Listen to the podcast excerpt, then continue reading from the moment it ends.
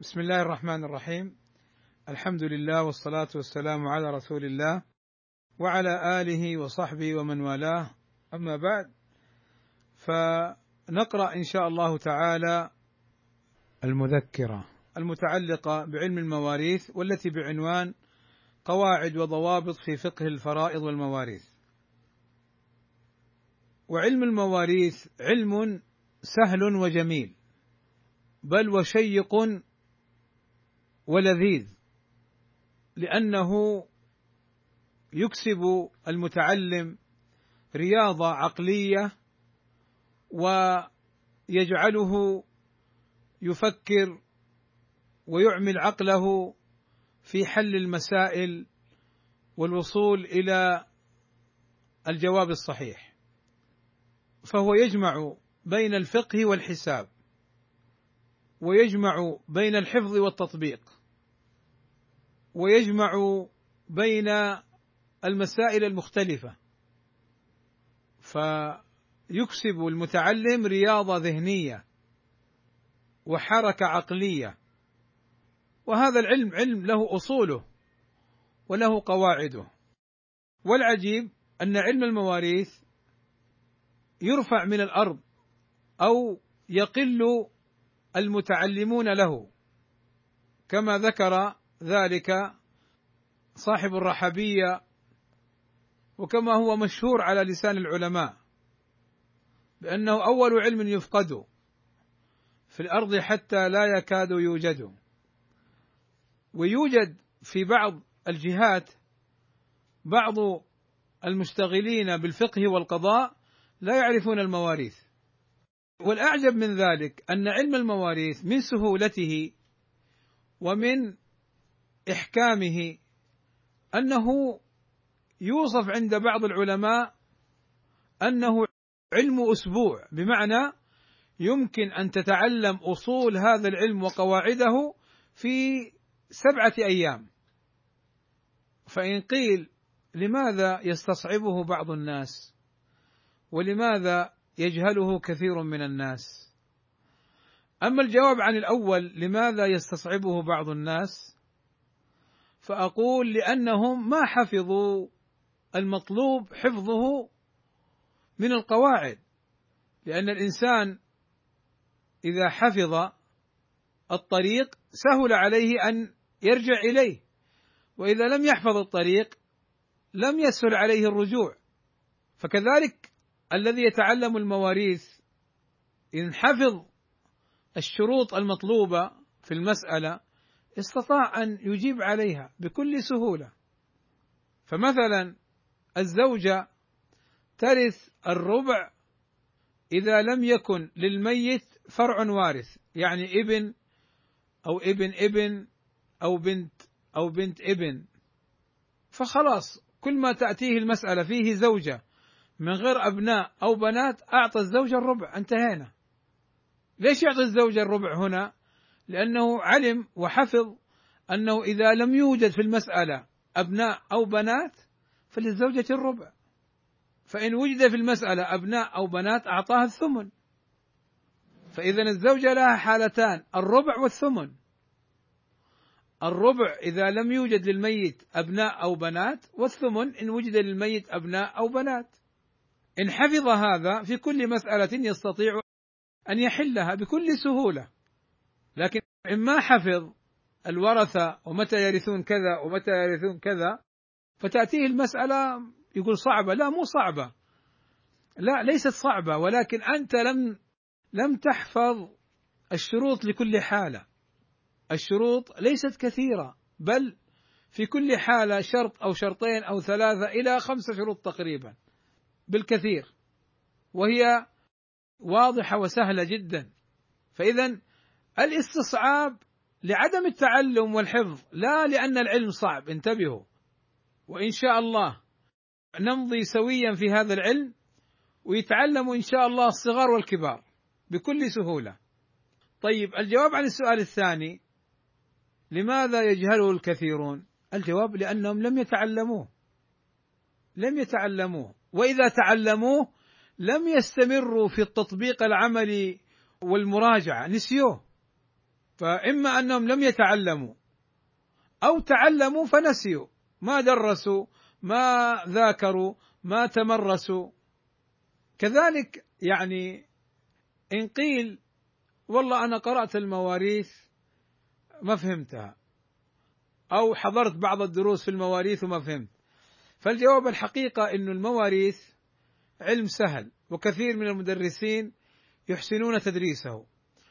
فربما أنت حضرت عند شخص لا يحسن التدريس. إما أن تكون أنت ما حفظت فإن حفظت وراجعت فقد يكون الشخص لا يحسن التدريس.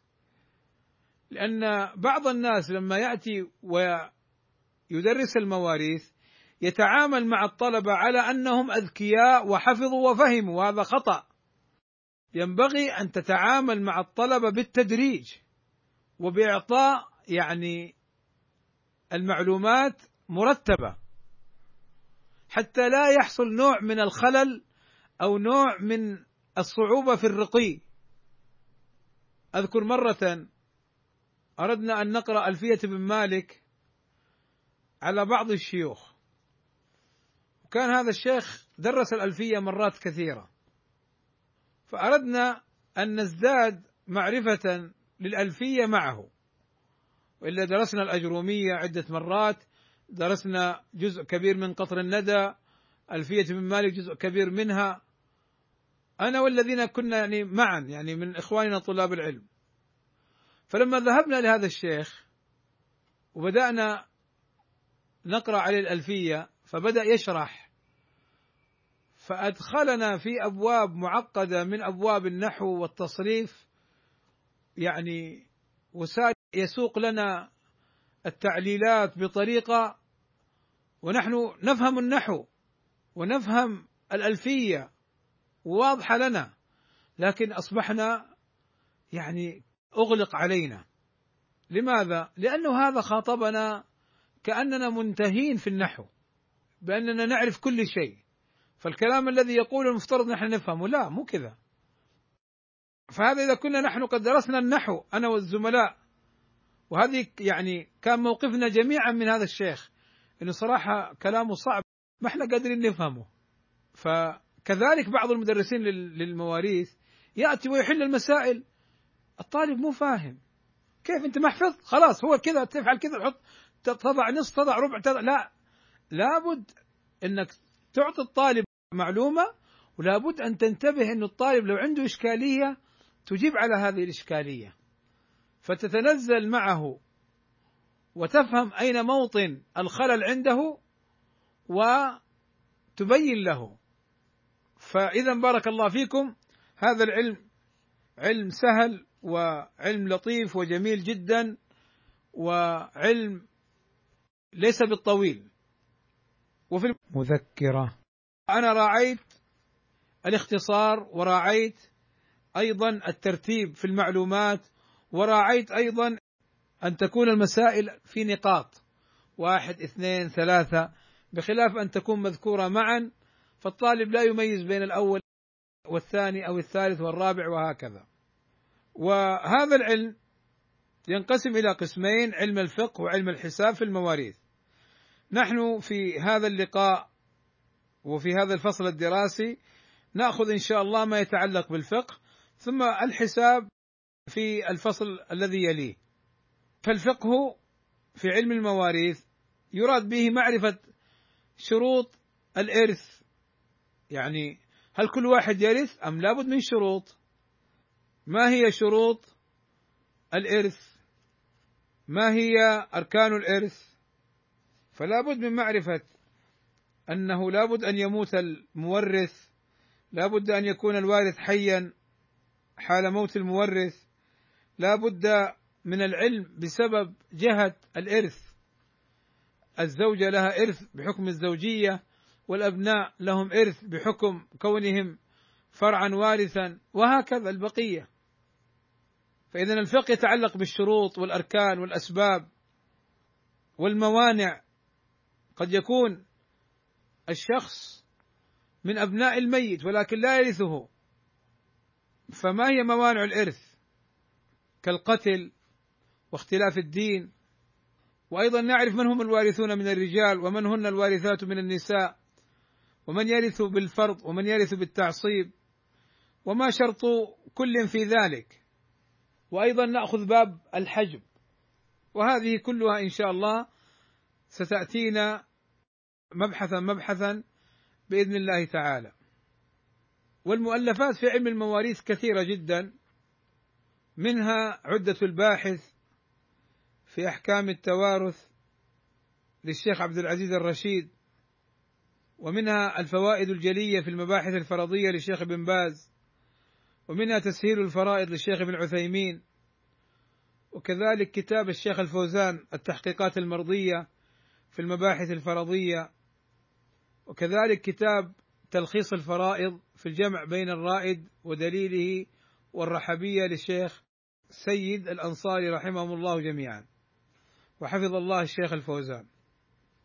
وهناك منظومات في المواريث مثل المنظومة الرحبية لأبي عبد الله محمد بن علي الرحبي وهي على المذهب الشافعي وعدد أبياتها خمس وسبعون بعد المئة.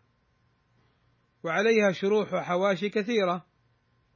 وهناك منظومة الفارضية لمحمد الفارض القاهري وهي على المذهب الحنبلي. وعدد أبياتها ثمان وعشرين بعد المئة. وعليها شرح الدرة المضية في شرح الفارضية. للشنشوري وكلاهما مطبوع. وهناك ألفية في الفرائض. طبعا ألفية وسبق معنا أنه علم أسبوع. كيف صارت ألفية وهو علم أسبوع؟ فالجواب عن هذا بأن يقال أصبحت ألفية أو طالت بهذا الطول ألف بيت فأكثر لأن بلغ عدد أبياتها ثلاث وثلاثين ومائة بعد الألف. أصبحت في هذا العدد بسبب أنه يذكر المذاهب والخلاف في المسائل أيضا المسائل التي يعني افترضها العلماء فطالت وتشعبت ولذلك هذا العلم باعتبار أصوله وقواعده علم أسبوع بلا بلا نزاع وبلا شك. ممكن أن يتعلمه المتعلم في أسبوع بإذن الله. إذا تعلم كل يوم جزءا منه وحفظ وأتقن وحل المسائل واشتغل به ثم الثاني والثالث ما يأتي عليه أسبوع إلا وقد أتقن هذا العلم. وهناك بعض إخواننا تعلم هذا العلم في أسبوع. كما أخبرني بعض المشايخ أنه أتاه طالب علم أذكر من اليمن يقول أو من غيرها فقرأ عليه المواريث في أسبوع ثم ذهب وأصبح معلما لها. طيب. بعد ذلك نأخذ مبادئ هذا العلم العشرة. علم المواريث. من جهة التعريف عرف بأنه فقه المواريث وما ضم إليه من حسابها. فقه بمعنى الفهم. فهم المواريث وما ضم إليه من حسابها يعني كيف توزع التركة؟ يعني لو مات الإنسان وخلف كذا وكذا من المال كيف تقسم المال؟ وهكذا. هذا تعريفه. موضوع علم الفرائض أو المواريث ما يخلفه الميت من التركات. يعني لو أن الإنسان مات وما عنده شيء فقير معدم ما في مواريث. متى تكون المواريث إذا مات وترك تركة؟ سواء كانت نقدا أو كانت عينا كالبيوت والأراضي ونحو ذلك. ما ثمرة تعلم المواريث؟ حصول الأجر والثواب من الله عز وجل. وأيضا ثمرته إيصال الحقوق لأصحابها. لأنه للأسف الآن يعني نسمع كلاما سيئا جهلا أو هوى من بعض الناس. إذا مات الإنسان يأتي أخوهم الكبير ولا عمهم الكبير ويأخذ كل المال ويقول المال عندي وأنا أصرف عليكم، لا مو على كيفك. إذا مات الإنسان فالله عز وجل بين للزوجة كذا وللأبناء كذا وللبنات كذا وللإخوة كذا وللأخوات كذا وللأعمام كذا وهكذا. وللأم كذا وللجدة كذا وللأب كذا. ما هو على كيفك تاخذ المال وتوزع على كيفك. وبعضهم يطلب إنه المال كله يتحول باسمه. هذا خطأ وعدم تطبيق شرع الله في في المواريث ورجوع لحال أهل الجاهلية. فإن هذا العلم كما سيأتينا إن شاء الله تولى الله بنفسه قسمة المواريث. يوصيكم الله في أولادكم للذكر مثل حظ الأنثيين. الآيات في ذلك. فما يفعله بعض الناس من عدم قسمة المال بين الورثة وأن يجعل في جهة معينة أو لشخص معين هو الذي يقبض المال كله ويتصرف فيه على كيفه هذا خطأ. ما هو شغلك أنت؟ أعطي كل وارث نصيبه. وفرق بين أن تحفظ نصيب الوارث بعد أن يقسم له فتحفظه حتى يكبر أو أن كان مثلا سفيه فتحفظ له حتى يرشد وبين أن تستولي عليه وتتصرف فيه على ما تشتهي. فإذا ثمرة علم المواريث إيصال الحقوق لأصحابها ونسبته هذا العلم من العلوم الشرعية. ليس من علوم الآلة هذا من العلوم الشرعية وهو جزء من الفقه. ولذلك يعني تجد في المتون الفقهية كتاب الفرائض والمواريث. وأفرد كعلم مستقل لأهميته وللحاجة له ولأنه آه، يمكن استقلاله. وأما فضل هذا العلم ففضله عظيم لأن الله تولى بنفسه بيانه ولأن الله أوصانا بتقسيمها على الوجه المذكور. وصية من الله كما في سورة النساء فإن الله عز وجل لما ذكر آية المواريث قال في البداية يوصيكم الله. ثم إلى أن قال في الآية الثانية بعد أن ذكر الورثة قال وصية من الله والله عليم حليم. فإذا كانت وصية من الله بأن يعطى كل وارث إرثه ليس لأحد أن يتدخل. ولذلك هنا ننبه إلى إلى تصرفات خاطئة من بعض الناس. أنه مثلا يحرم ابنه أو أبناءه أو ورثته من الإرث فيوقف ماله كله. هذا خطأ. إنك أن تدع ورثتك أغنياء خير من أن تدعهم عالة يتكففون الناس.